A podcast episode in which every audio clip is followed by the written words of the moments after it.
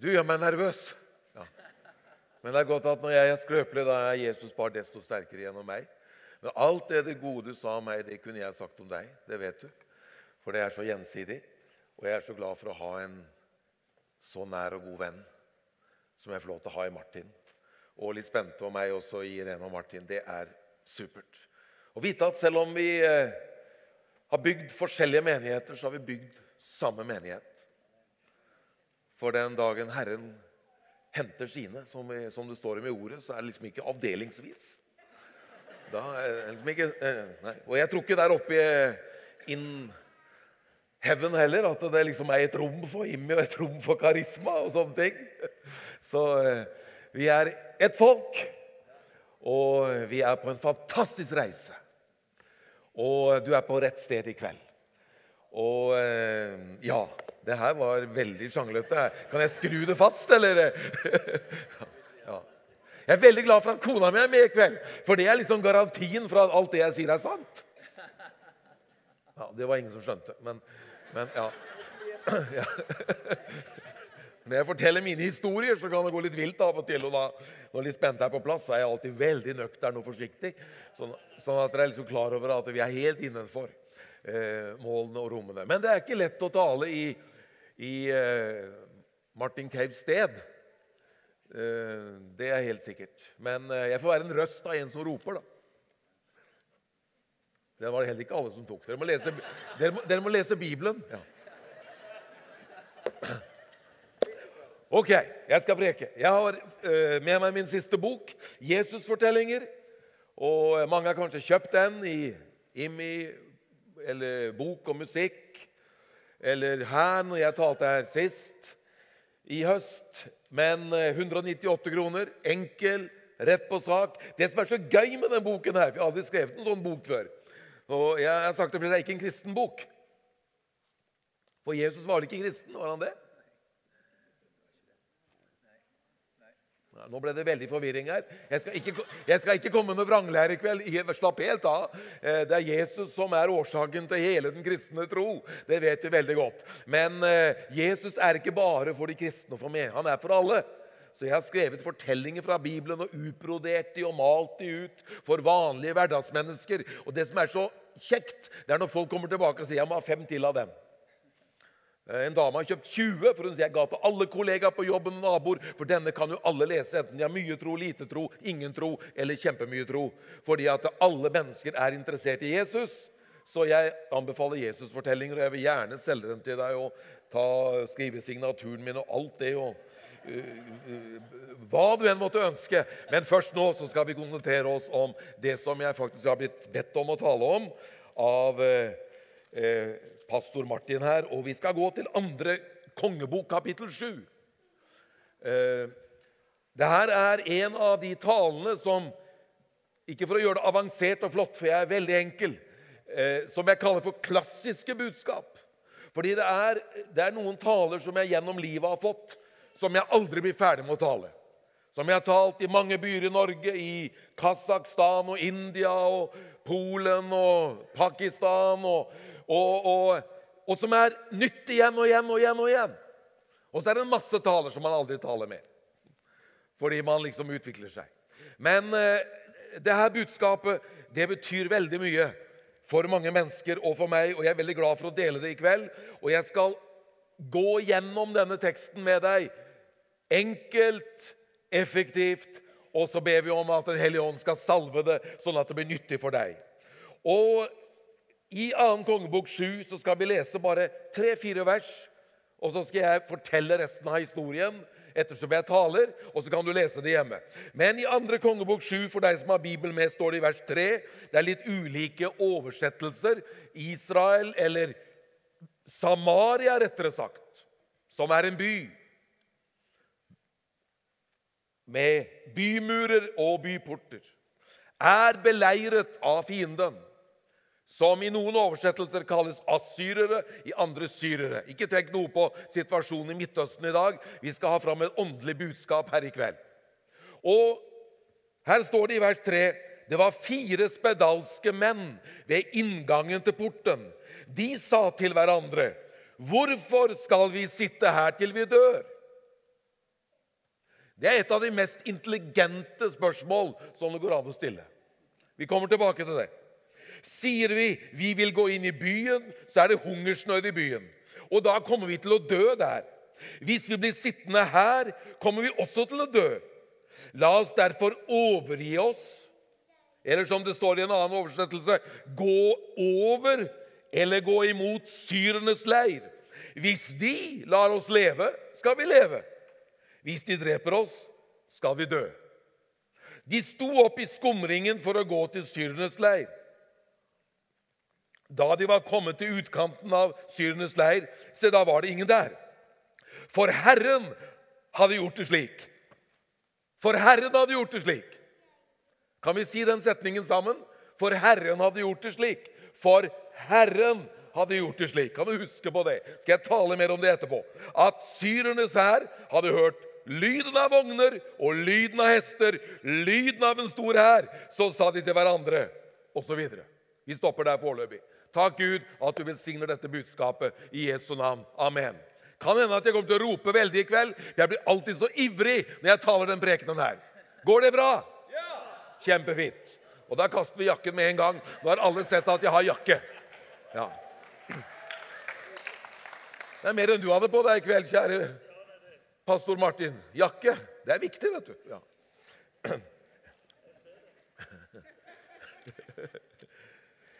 Bakgrunnen for denne historien som jeg sa, er at det er krig. Samaria er beleiret. Det er uttalingstaktikk. Det er blokade, for å bruke et moderne ord fra moderne krigføring. Og der ute på slettene utenfor byen Samarias murer og porter, der ligger fiendens hærer i massevis. For denne kongen til Assyrene eller syrerne, Ben-Hadad, han hadde kommet med mektige armeer for å knuse Samaria. Det var telter, det var hester, det var vogner. Det var enorme hærer som var klare til å innta byen, men de beleiret den. Ingen kom inn, ingen kom ut. Ingen mat kom inn, ingen mat kom ut, for å si det sånn. Ingenting kom inn, ingenting kom ut. Byen var beleiret, og fattigdom og sult kom til Samaria. Det gikk så langt, sier Bibelen, at det fantes tilfeller da de fattigste av de fattigste faktisk begynte å spise sine egne barn. Det, det er utenfor vår fatteevne, men det var en desperasjon som var helt ufattelig i Samaria. Men så, og da er jeg ved punkt én i min enkle preken i kveld Et ord fra Gud har makt til å forandre. Det var en profet der, Elisha. Og Han står fram i byporten, og det er en mektig foranledning som du får lese hjemme i kapitlene foran. femte og sjette kapittel. Men Elisa står frem, og vet du hva? Han roper med en stemme som er kraftigere enn min, og han sier, 'I morgen på denne tid skal det selges mel og bygg ved Samarias port.' Prisen på mel og bygg var enorm. Bare de rikeste av de rike kunne kjøpe det lille som var igjen. Hungersnøden var enorm. Desperasjonen var forferdelig. Fortvilelsen var på maksimumnivå. Og profeten sier om 24 timer skal situasjonen i denne byen være totalt forandret. Vet du hva? Gud kan endre enhver situasjon, til og med på 24 timer. For ingenting er umulig for vår Gud. Kan jeg få et amen i denne katolske kirken i kveld? Nei, eh, eh, jeg mener lutherske kirken i kveld. Unnskyld. Jeg går i alle leirer nå, så jeg vet nesten ikke hvor jeg er. Det var bare en spøk. Jeg vet veldig godt hvor jeg er. I morgen på denne tid et ord fra Gud har kraft i seg til å forandre. Et profetord fra Gud har kraft til å forandre hvis noen vil gå med det. Vet du hvorfor jeg liker Immi-kirken så vanvittig godt? Ikke bare fordi jeg får lov til å kjenne pastorpar og noen av de gode lederne her, og har vært på noen møter her, men det er fordi jeg har en tydelig oppfattelse av at denne kirken setter mennesker i bevegelse. Folk får høre ord fra Gud som de går med i hverdagen. Og har du hørt et ord fra Gud, og du går med det, så er det ingenting som er umulig. Jeg skal ta deg tilbake med en veldig lang preken i kveld. Er det bra?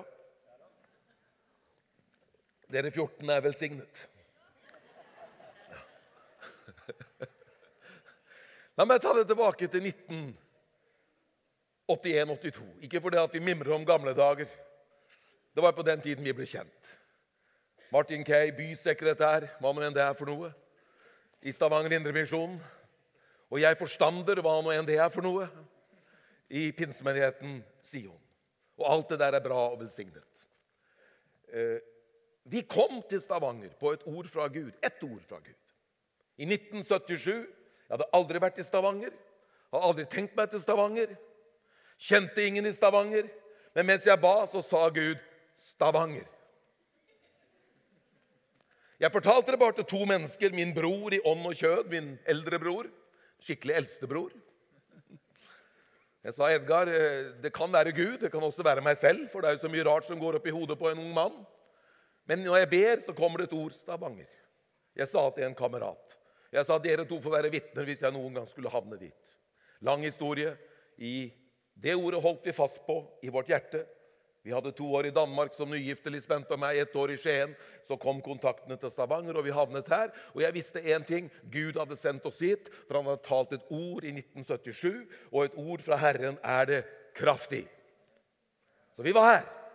Jeg tenkte ikke å være så mange år, for i tradisjonell pinsevennsetting så er man kanskje fire, fem, seks. Er man ekstra god, kan man være opp mot ti år. Men man reiser hele livet rundt fra sted til sted og er pastor i ulike forsamlinger. Jeg ante ingenting om hva som skulle komme med Karismakirken og alt det som har skjedd i byen siden da i mange forskjellige menigheter. Men etter ett år var Arnfinn totalt utslitt. Og jeg orket ikke mer. Ikke fordi det var noe galt med folk, det var snille og hyggelige mennesker. Men eh, vi var ikke så mange, og, og, og, jeg har jo den evangelistiske stilen over meg. Jeg følte liksom ikke at jeg nådde fram og nådde igjennom. Og jeg kjente bare høsten 1982 at eh, nå er dette løpet kjørt. Gud har sikkert et annet sted for oss. Og det blir underbart å reise til neste by. Nå har vi gjort jobben her. Og jeg snakket med Lisbeth og sa jeg tror ikke at jeg orker dette mer og klarer dette mer. Og så var det en fredagskveld. Vi hadde bønnemøte eh, oppe i gamle Sion på Kirkebakken. Og jeg kom veldig sent, for jeg hadde en samtale med noen, og jeg var litt deprimert. og Jeg kjente jo liksom at eh, det løpet her er kjørt for meg. Og jeg kom opp der i, i den salen bak og det var en 8-10-12 stykker på bønnemøte. Og da var det som djevelen sa til meg ja, Der ser du jo selv. De folkene her gidder ikke å be engang. Hvorfor skal du sløse ditt unge liv i denne byen hvor det er så tungt og vanskelig å bryte igjennom, og få kommer til bønn? Og, og så står jeg bak der og så sier jeg, Gud, hvis du har tenkt å ha meg her i denne byen, da må du gi meg et ord. Og da opplever jeg noe som jeg veldig sjelden har opplevd i mitt liv, nemlig at Gud sier ikke ordet, men skriftstedet. Han sa Lukas 1, 36, 37, hørte jeg. Gud kan jo Bibelen. Er du med på den? i hvert fall? Ja. Og Gud har lest Bibelen. Han har skrevet Bibelen, forresten. Han har skrevet den. Lukas 1. Og jeg visste ikke hva som sto der. Jeg tenkte ikke på det. Jeg slår opp i Bibelen. Lukas 1, 36, 37. Er det din stemme jeg hører, Herre? Og så står det der at om Elisabeth mor til døperen Johannes, som var eldre og ikke kunne få barn. Og så står det det ble sagt om Elisabeth at hun ikke kunne få barn, men hun er allerede i sin sjette måned. Det var som et skudd inni magen på meg. Det ble sagt at Elisabeth ikke kunne få barn, men hun er allerede i sin sjette måned. Hva vil du si, Hellige Ånd? Hellige Ånd begynner å snakke til Arnfinn. Ja, du har sagt mye negativt. Mange har sagt mye negativt. Stavanger er en tung by. Vanskelig å bryte igjennom her. Det er ikke så mange som ber i menigheten. Det er tunge dager. Det er tunge tid. er ikke lett for deg her. Kanskje det fins noe bedre et annet sted. Men jeg forteller deg, Arnfinn, at du er gravid. Med noe jeg skal gjøre i denne byen. Du er gravid med noe nytt som jeg skal bygge. Og, vet du, og jeg ser veldig få syner. Jeg skulle ønske at jeg så flere. Ikke for mange, da. Det er liksom en grense i alt. Men jeg skulle ønske jeg så flere syner enn det jeg har sett gjennom livet. Jeg har sett noen få. Jeg skal bare holdt på å si, plage deg med ett i kveld. Og det var at I det samme øyeblikk som jeg hadde tatt imot det ordet Arnfinn, du er på vei med noe jeg skal gjøre i denne byen. Da ser jeg et syn. Og så ser jeg en fullstappet forsamling av mennesker som løfter sine hender og synger en lovsang som jeg aldri med før hadde hørt. Jeg hørte etterpå. Aldri mer, aldri før. Hadde hørt. Jeg så frihet, jeg så glede, jeg så entusiasme. Og så hørte jeg Herren si, 'Det er det her jeg har planlagt for deg å være en del av i denne byen.' Og vet du hva? I det øyeblikk forsvant depresjonen. Trykket forsvant. Og jeg kunne gå hjem. Jeg tror ikke jeg vekte, vekte litt spente midt på natta, men jeg sa det iallfall morgenen etter. Hvis ikke jeg vekte deg der og da, for jeg visste med det samme. Planene er forandret. Vi kommer til å bli i denne byen, for Gud har gitt meg et ord ifra Herren. Og et ord fra Herren hadde kraft til å forandre min situasjon i ett øyeblikk. Er du glad for det? Jeg er veldig glad for det. Og så kunne jeg fortalt den historien videre, for det gikk tre-fire år uten at noe spesielt skjedde. Det var egentlig tunge tider, men jeg hadde det ordet som holdt meg oppe. Og så i 6-87, 5-6-7-88 så begynte det å bryte igjennom. Og folk ble frelst, og det ble bevegelse, og Karismakirken ble født. og Jeg kunne holdt en lang preken om det, men jeg bare forteller deg i kveld at et ord fra Gud har makt til å forandre.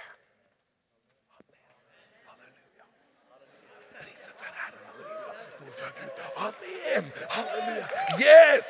Et ord fra Gud har makt til å forandre. Et ord fra Gud har makt til å forandre. Og profeten sa i morgen på denne tiden, 24 timer fra nå, skal mel og hvete og bygg selges til rimelig pris, så alle kan kjøpe i Samaria. Da ler kongens nærmeste rådgiver. Ha-ha-ha! Om så Gud gjorde vinduer på himmelen, kunne ikke det skje. 24 timer senere hadde det skjedd, og den mannen som lo, ble trampet ned av folket i byporten mens de strømmet til for å kjøpe bygg og hvete. Det med trampet ned, glem det. Nå ble det så stille her. Men, men, men eh, Det er sant. Det er historien. Ok. Et ord fra Gud har makt til å forandre. Det var det første punktet. Og jeg har bare 14 punkter, så slapp det helt av. Jeg har tre eller fire. Det andre Gud ønsker å bruke deg. Gud ønsker å bruke meg. Gud ønsker å bruke denne menigheten, og han har gjort det. Og han gjør det. Og dere har bare sett begynnelsen. Det er jeg overbevist om. Folk i byen hadde panikk. Alle så den umulige situasjonen. Men vet dere hva? Utenfor porten til byen satt det fire spedalske menn. Spedalskhet er en forferdelig sykdom. Noen har kanskje lest boken 'Øya' av Hislop. Fantastisk bok. Forteller noe om dramatikken eh, der hvor det er eh, spedalskhet, som i dag er utryddet heldigvis i store deler av verden. i hvert fall. Så Vi er ikke så familiære med den type sykdom. Men spedalskheten eter opp kroppen. Nesen faller av, fingre, tærne blir bare, og føttene blir bare som klumper å gå på. Disse menneskene var urene. På den tiden ble de kalt det pga. smittefaren. Og de måtte flytte fra familie og hjem, forlate sine eh, søsken, foreldre, barn, ektefelle, hustru eller mann og bo utenfor byens porter. Og der ute satt det fire spedalske menn. Jeg tror de hadde hørt proklamasjonen til profeten, for eh, det var neppe så lydtett gjennom byens porter når profeten sto der og profeterte om forandringen. Men disse fire spedalske menn de sitter der ute, liksom i ingenmannsland. De er kastet ut av byen pga. sykdommen og smittefaren. Og der borte på sletten ser de fiendens leir og armeer og telter og hester og vogner. Og de sitter der på utsiden og ser fienden i det fjerne og har Samaria rett bak porten, der hvor de sitter. Og midt i det umulige begynner disse fire mennene å snakke med hverandre. Og jeg tror at de er inspirert av Guds ånd. Og den ene sier til den andre noe som er veldig, veldig interessant. Og jeg skulle ønske mange flere sa det samme. Jeg skulle ønske kirker og menigheter sa det. Jeg skulle ønske mange flere kristne sa det. Jeg skulle ønske alle mennesker sa det. Hvorfor skal jeg sitte her til jeg dør? Det er intelligent. Her sitter de. Plutselig får en en tanke. Hvorfor skal vi sitte her til vi dør? Nei, det var jo sant, sier den andre. Hvorfor skal vi sitte her til vi dør? Da sier den tredje ja, det er bare det at hvis vi går inn i byen, så dør vi, for der er det hungersnød. Ja, det stemmer det, sier den fjerde. Men hvis vi går over til fiendens leir, der er det mat. Der er det drikke. Der er det sølv. Der er det gull. Men det er jo fiendens leir. Alt det godset der er jo fienden som holder. Og så sitter de og resonnerer. Hvorfor skal vi sitte her til vi dør? Jeg sier ikke bokstavelig talt dø fysisk, men er du med på det her? Jeg har opplevd det mange ganger i mitt eget liv når Gud har kalt meg til nye ting. Og jeg opplever liksom jeg sitter fast i det gamle, eller jeg sitter fast i gårsdagen, eller jeg sitter fast i det jeg har opplevd før eller gjort før. Men så begynner jeg å tenke hvorfor skal jeg sitte her til jeg dør? Hvis jeg går tilbake, da dør jeg i hvert fall. Da dør jeg dobbelt. Og her jeg sitter nå, dør jeg, så jeg bør ikke gå tilbake for å dø. Sitter jeg her, så dør jeg. Går jeg tilbake, så dør jeg. Men går jeg mot fiendens leir, og så sier denne ene spedalske noe veldig intelligent Hør her! Det er ikke forbudt å resonnere. Det er ikke forbudt for kristne å tenke. Takk for jubelen. Det er ikke forbudt å resonnere og tenke. Og da sier den fjerde spedalske hvis vi går over til fiendens leir, så kanskje vi får leve. Og de resonnerer. Og da sier den andre ja, for hvis de dreper oss, da dør vi. Jeg syns det er veldig logisk. At hvis noen dreper noen, så dør de. Hvis noen dreper meg, så dør jeg. Er ikke det logikk? Det er høyt nivå, det her. Og nesten har universitetsutdannelse for å følge disse spedalske. Og ja, vi, Hvis vi går over til fiendens leir Ja, sier den andre. Hvis de dreper oss, så dør vi. Ja, men hvis de lar oss leve, sier en av de andre, da lever vi. Å, oh, hvilken herlig tanke. Du skjønner det at Hvis du går med Gud, så kan det hende du får leve. Leve ut det Gud har gitt deg, leve ut det som er på innsiden av deg. Hvis ikke du bare sitter der og, sitter der og sitter der og sitter der. Men hvis du lar Den hellige ånd bringe deg i bevegelse, så kanskje du får leve. Og Jeg har opplevd mange ganger i mitt eget liv at jeg har vært der som Jesus sier, at uh, den som finner sitt liv, mister det. Mens den som mister sitt liv, finner det. Og jeg må si, jeg tror Dere kjenner dere igjen i kirken og Martin og Irene. Når Gud har kalt dere til ting, så er dere godt. Så er det liksom sånn ikke sånn 'Å ja, vi har sånn veldig tro, så vi bare går på', vi, og liksom alle dører åpnes, for dette er gutta og jentene med tro i brystet og vett i pannen og stål i ben og armer. Nei, det er ikke sånn vi føler det. Vi kjenner oss skrøpelige, og vi tenker 'Ja, hvis det går bra, da lever vi'. Hvis det ikke går, så dør vi. Men kanskje Kanskje vi får leve. Kanskje det er Gud som har talt. Og noe må vi våge for å vinne seier sammen med Jesus. Hvis du fortsatt er her, så gi meg et lite nikk, så jeg ser at du lever. Jeg hadde tenkt å preke dere levende, ikke døde. Hvorfor skal vi sitte her til vi dør? Sier vi at vi skal gå inn i byen, så kommer vi til å dø, for der er det hungersnød. Og vi dør der. Blir vi sittende her, vil vi også dø. Kom, sier den ene. Nå går vi over til aramenes leir. Lar de oss leve, lever vi. Dreper de oss, så dør vi. Og så står det i kveldingen, i skumringen. Oi, oi, oi. Jeg elsker det her. Nå begynner de å gå. Klumpete, spedalske føtter. Fire menn det mest ynkelige som fins på jorden. Fire stykker. ene hadde ikke nese, noen manglet fingre. Kroppene var ødelagte. De kunne nesten ikke gå. Men de sa det er vår eneste sjanse til å leve. Hvis de lar oss leve, så lever vi. Hvis de dreper oss, så dør vi.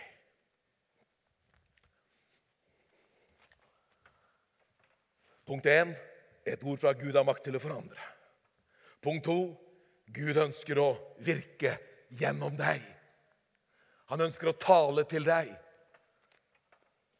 Gjennom ordet, gjennom nådegavene, gjennom menigheten, gjennom forkynnelsen. Han taler til noen akkurat nå som har sittet fast altfor lenge. Nå er det tid for bevegelse. Nå er det tid for å sette i gang. Takk Gud at du er i en menighet som tillater deg å bevege deg med Gud. Er det pinsevenner her òg? Herlig. Så bra. Vi skal komme til punkt tre. Gud går foran den som går. Vet, la, la, oss bare beskrive det som skjedde her. Altså, Disse fire spedalske de begynner å gå. Kan du se det for deg? Jeg behøver ikke powerpointen, lo, Jeg er det selv. Jeg. Ja, ja. Gjør så godt jeg kan. Jeg. Stavrer meg bortover her som en spedalsk. Men vet du, oppe i himmelen, der sitter Gud og Sønnen ved hans høyre hånd, som vi bekjente i den fantastiske apostoliske trosbekjennelsen. Han satte seg ved Guds høyre hånd. Den hellige ånd er her, og Den hellige ånd er der. Hellige ånd er overalt. Men der oppe i himmelen sitter Gud. Så titter han ned. Og så får han øye på Samaria, og så ser Gud åtte ben. Skal vi si, Fire ganger to åtte, blir ikke sånn? Syv og et halvt. Ok, syv og et halvt. Trekke fra for de tærne som var borte. Ja. Det ble kanskje syv til åtte ben. Og Gud sier til Jesus, 'Min sønn', sier han, 'ser du det jeg ser?' Ja, far, sier jeg ser noen der nede som hinker av sted. Og faderen sier, 'Jeg liker det jeg ser'. Ja, sier Jesus, 'Jeg liker det, jeg òg, far'. Og så sier det nesten i kor til Den hellige ånd. Hellige ånd! Ja, til tjeneste. Skru på høyttaleranlegget. Den hellige ånd går bort til forsterkeranlegget i himmelen. Og så skrur han på. Og så dirigerer han lyden ned mot Samaria og steppene og slettene utenfor Samaria. Og når de fire spedalske går av sted, så hører plutselig fiendens hærer lyden av armeer, soldater, hester og vogner. Er det ikke fantastisk når Gud skrur på forsterkeranlegget? Er det ikke fantastisk, dere bak der? Jo. Ja, og her. Vet du, jeg, har opplevd det mange ganger i mitt eget liv. Jeg føler meg så skrøpelig, men jeg går på det Gud har sagt. Og plutselig så sier Herren av en eller annen merkelig Hellig hånd, skru på anlegget. Og så skjer det voldsomme ting. Så står jeg bare og klyper med armen og tenker hvordan all verden kunne det her skje? Jeg er jo bare meg, og så er det godt å være skrøpelig og vite at alt er Gud. Nå skal vi lese hva som skjedde her. Det skjedde noe helt fenomenalt. Vi er i andre kongebok 7 og i vers 6. For Herren hadde gjort det slik. Skal vi si det om igjen? En, to, tre. For Herren hadde gjort det slik. Og La oss si det en gang til, så får vi med dere 29. Jeg kan telle nemlig som ikke sa det første gangen.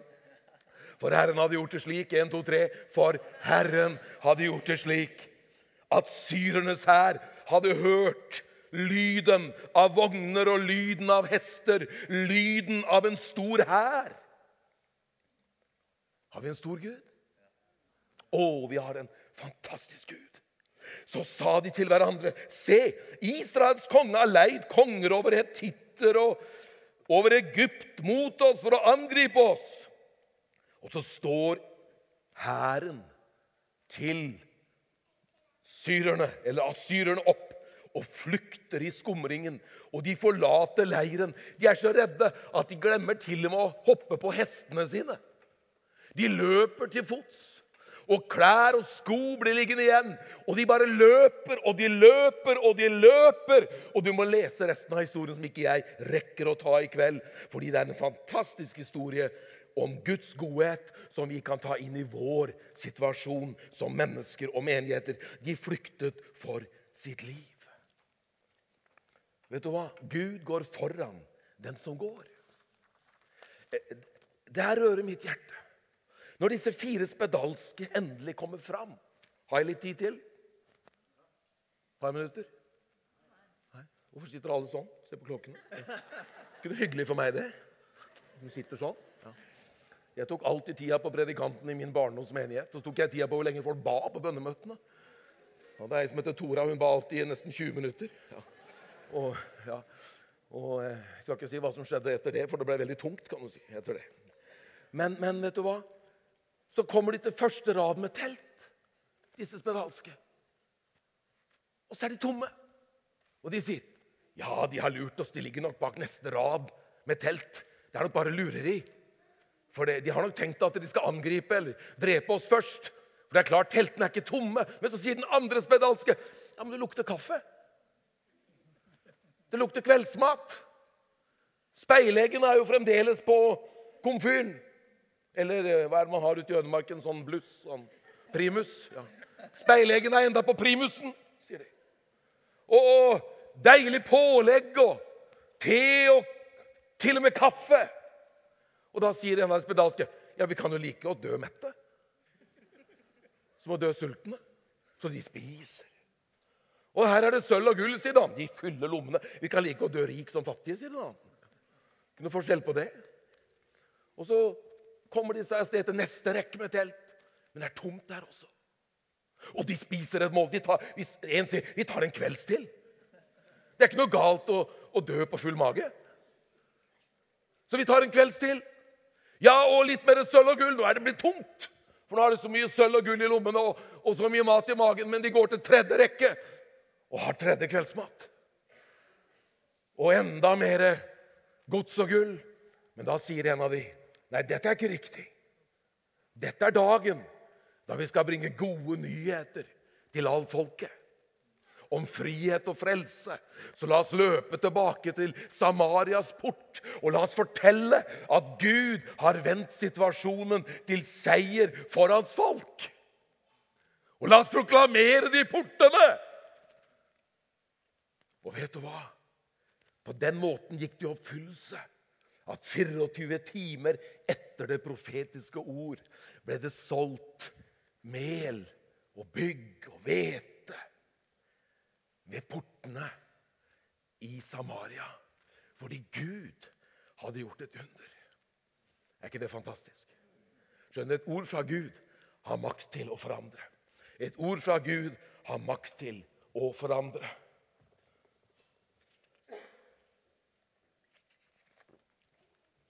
For det andre Gud ønsker å virke gjennom deg. Hvordan har du det? Har du, har du lenge kjent at Gud vil noe nytt i livet ditt? Hallo? Ja, Du bør ikke løfte hånda, eller noe sånt. Bare kjenn det inni deg. Har du lenge kjent at du har sittet litt fast? Jeg vet ikke hva du skal gjøre. Du skal ikke finne på noe tull eller tøys. Det er ikke det jeg sier. Men du skal la Den hellige ånd bevege ditt hjerte.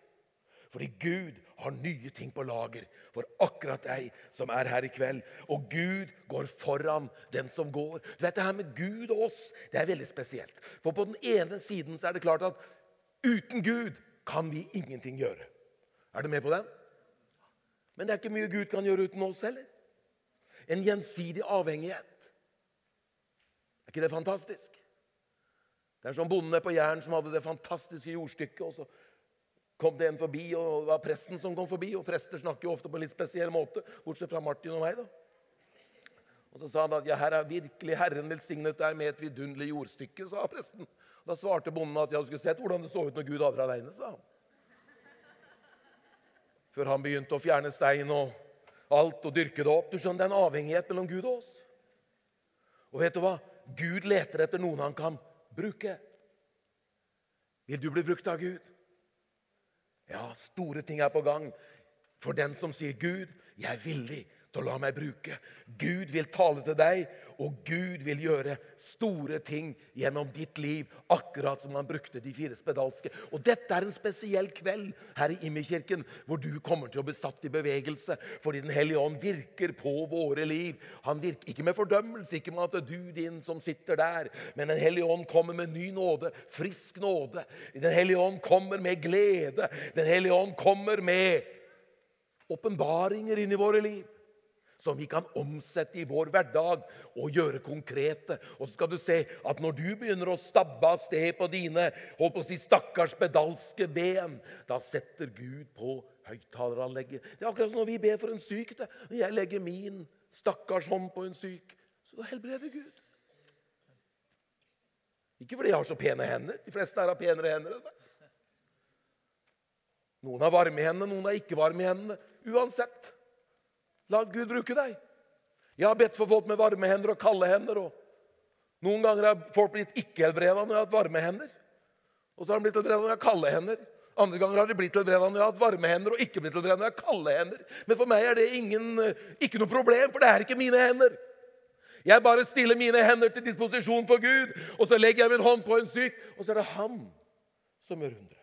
Så er det ikke alltid det skjer, og så har ikke jeg svaret på det. Men jeg ønsker bare å være som de fire spedalske. Jeg ønsker å stabbe og gå så godt jeg kan. Og så håper jeg at Gud ser til hjertet mitt, og så skrur på høyttaleranlegget. Det trengs litt mer lyd i Stavanger! Det trengs at Gud setter på! Her var det litt gjenlyd, ja. Her er vi! Yeah! Come on! Yes! Denne byen skal vi ta! Lenge nok har fienden holdt sine posisjoner, men nå reiser vi oss, vi som er unge. Hva er det dere ler av? Jeg er ung. Nei, nei. Vi reiser oss, vi som er unge. Og så går vi med kjærlighet og kraft mot fiendens leir, for å si det billedlig. Menneskene er ikke fiendene, Stavanger er ikke fienden, men du skjønner bildet. Og så inntar vi byen. Er dere med? Er dere med? Oi, oi, oi. Denne byen kommer til å bli totalt forandret. Vi må bo her litt til, litt spente. Denne byen kommer til å bli totalt forandret fordi det er noen som reiser seg og går. Jeg skal slutte av ganske straks. Jeg tror ikke det blir noe mer nå enn en halvtimes tid.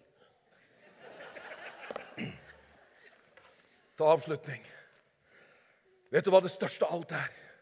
Det er at en gang gikk Jesus til fiendens leir. Det er evangeliet. Han ble spedalsk med syndens spedalskhet. Han bar vår synd. Og så gikk han til det midterste korset. Og så ga han sitt liv. For din og min synd, for Stavangers synd, for Norges synd, for alle synder. For vår skrøpelighet og forbannelse tok han på seg. Og så døde han på det midterste korset i vårt sted. Og vi hørte i bekjennelsen her han for ned til dødsriket. Og Der tok han nøkkelen til døden og til dødsriket. For at alle dem som tror på ham, aldri skal gå fortapt, men leve. Og Han vant en mektig seier, og på den tredje dagen sto han opp igjen ifra de døde. Og jorden skalv, og solformørkelse kom. og Andre døde sto opp av gravene. For det var en sånn kraft i denne mannen. Jesus som tok vår spedalskhet og vår synd og vår forferdelse og vår skrøpelighet og vår elendighet og vår fattigdom og vår forbannelse. Han tok det på seg, og så ropte han 'Det er fullbrakt'. Så gikk han ned i dødsriket. Jeg skal si deg, både djevel og demoner skalv når mannen fra Golgata gikk inn i dødsriket. Og han brøt mørkets lenker, og han sto opp igjen. Derfor er det håp for tid og evighet.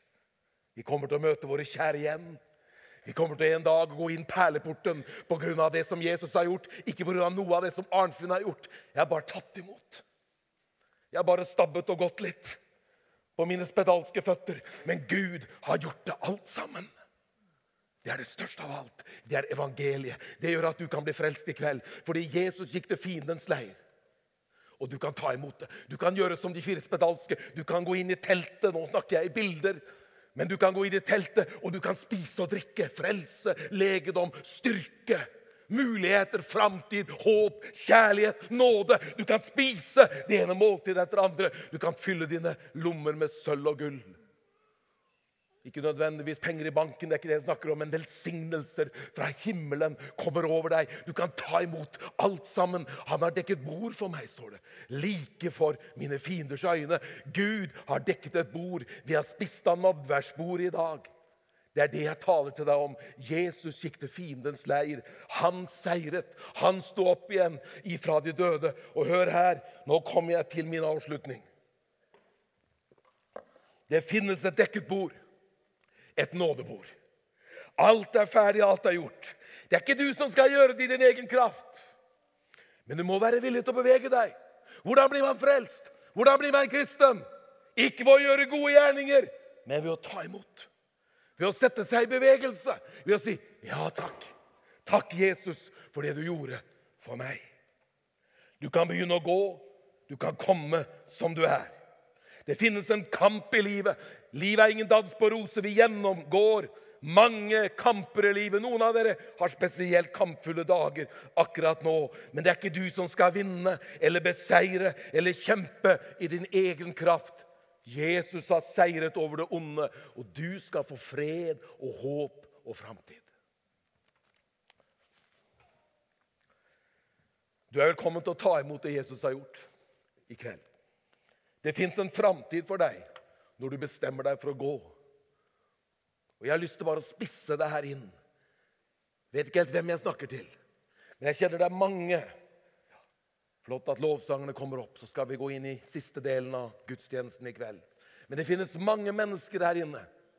Nå er det tid for noe nytt i livet ditt. Kjenner du det? Noen er midt i det. Men det er noen her som vet at det er et nytt kapittel nå. Nå er det tid. Nå er det tid for å sette seg ned og resonnere litt. Jeg talte her til mange menighetsledere, og jeg kritiserer ingen, for jeg vet hvor vanskelig det er. Og Jeg sier ikke at alle andre er ikke i bevegelse, men jeg har talt til så mange rundt i verden, av ledere også i menigheter, og sagt hvor lenge skal vi sitte her til vi dør? Bare Gud ser etter én ting vilje hjerter. Jeg lærte det i ungdommen til dere som unge. Jeg lærte det at Gud så bare etter én eneste ting i livet mitt, var et villig hjerte. Et villig hjerte. Et villig hjerte. Og når jeg hadde et villig hjerte, så talte Gud. Og hvis jeg vågde å gå på det han talte, så var det noe som brøt løs. Så var det noe som brøt igjennom. Og Jeg har lyst til å gi de hemmelighetene til nye generasjoner, fordi alt er mulig for den som tror. Men det er ikke min styrke, ikke ved hær, ikke ved makt, men ved min ånd, sier Herren. Når jeg er skrøpelig, da er Han sterk gjennom meg. Men det fins en del mennesker i kveld, og du skal få komme fram her til forbønn. Kanskje dere bare begynner å spille litt svakt i bakgrunnen hvis det passer teamet her oppe. Du kan komme fram i kveld, og vi skal bare stå med deg. Kanskje legge hendene på deg. Kanskje gi deg en hilsen fra Jesus også. Ved nådegavene. Jeg vet ikke hva som er i bevegelse her i kveld. Det vet bare Gud akkurat nå. Men jeg vet at noen i kveld har veldig godt av å stå opp og komme fram og bare si, 'Gud, jeg er rede for en ny dag.' Jeg vil ikke sitte her lenger ved byens port. Hvorfor skal jeg sitte her til jeg dør hvis jeg går tilbake.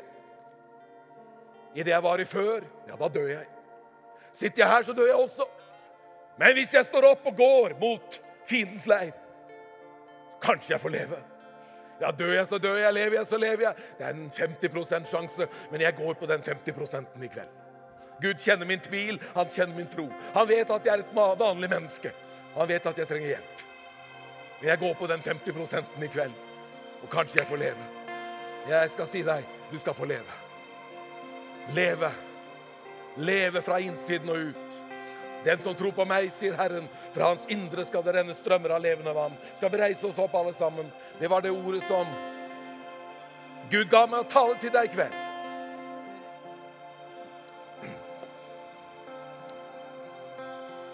Du bør ikke komme fram, alle sammen, men hvor mange kjenner i kveld? Jeg vil gå.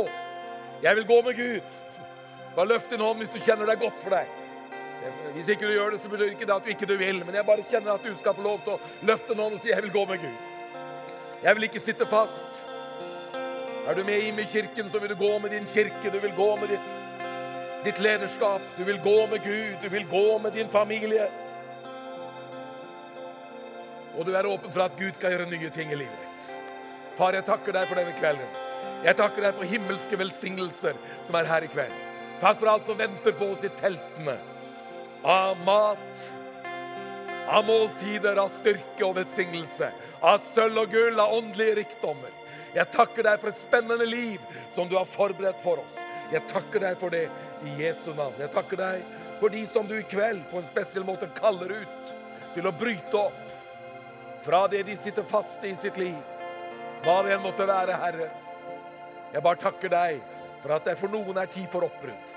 Priser deg for det. Og så takker jeg deg mest av alt for om det er noen her som ikke har gitt sitt liv til deg, så ga du ditt liv på korset for alle.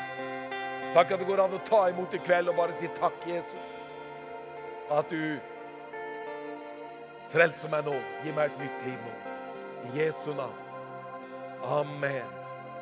Jeg vil gjerne si til deg som kanskje kom inn her i kveld, som ikke kaller deg en kristen, eller våger å kalle deg en kristen det er ikke noe du skal gjøre, du skal bare få ta imot. Det er å sette seg i bevegelse. Jesus, jeg tar imot hva du har gjort for meg. Så flytter han inn i deg, ved sin Hellige Ånd, og så skaper han et nytt liv i deg. Så enkelt er det å bli en kristen. Og så begynner en vandring med Gud. Og du kan også komme fram i kveld. Jeg vil invitere deg fram. Du som opplever at i kveld vil jeg stå med igjen og få forbønn. For jeg vil videre i mitt liv. Om du står tilbake, så betyr ikke det at du ikke vil. Men jeg kaller på deg som Gud kaller på nå. Jeg kaller på deg som kjenner hjertebanken. Jeg kaller på deg som sitter og, eller står og sier 'Han talte jo til meg i kveld'. Det var meg han talte til. Denne prekenen var reservert for meg i kveld. Det er deg vi gjerne vil skal komme og stå her framme på siden, slik at vi kan få lov til å be med deg. Det er ingen hokus pokus. Jeg skal ikke si noe rart til deg. Den Hellige Ånd skal få tale på innsiden av deg og gjennom oss til deg. Da synger vi en lovsang, og så kommer du, og så følger vi det opp ettersom Gud leder her nå. Følger vi det opp sånn som Gud leder her nå.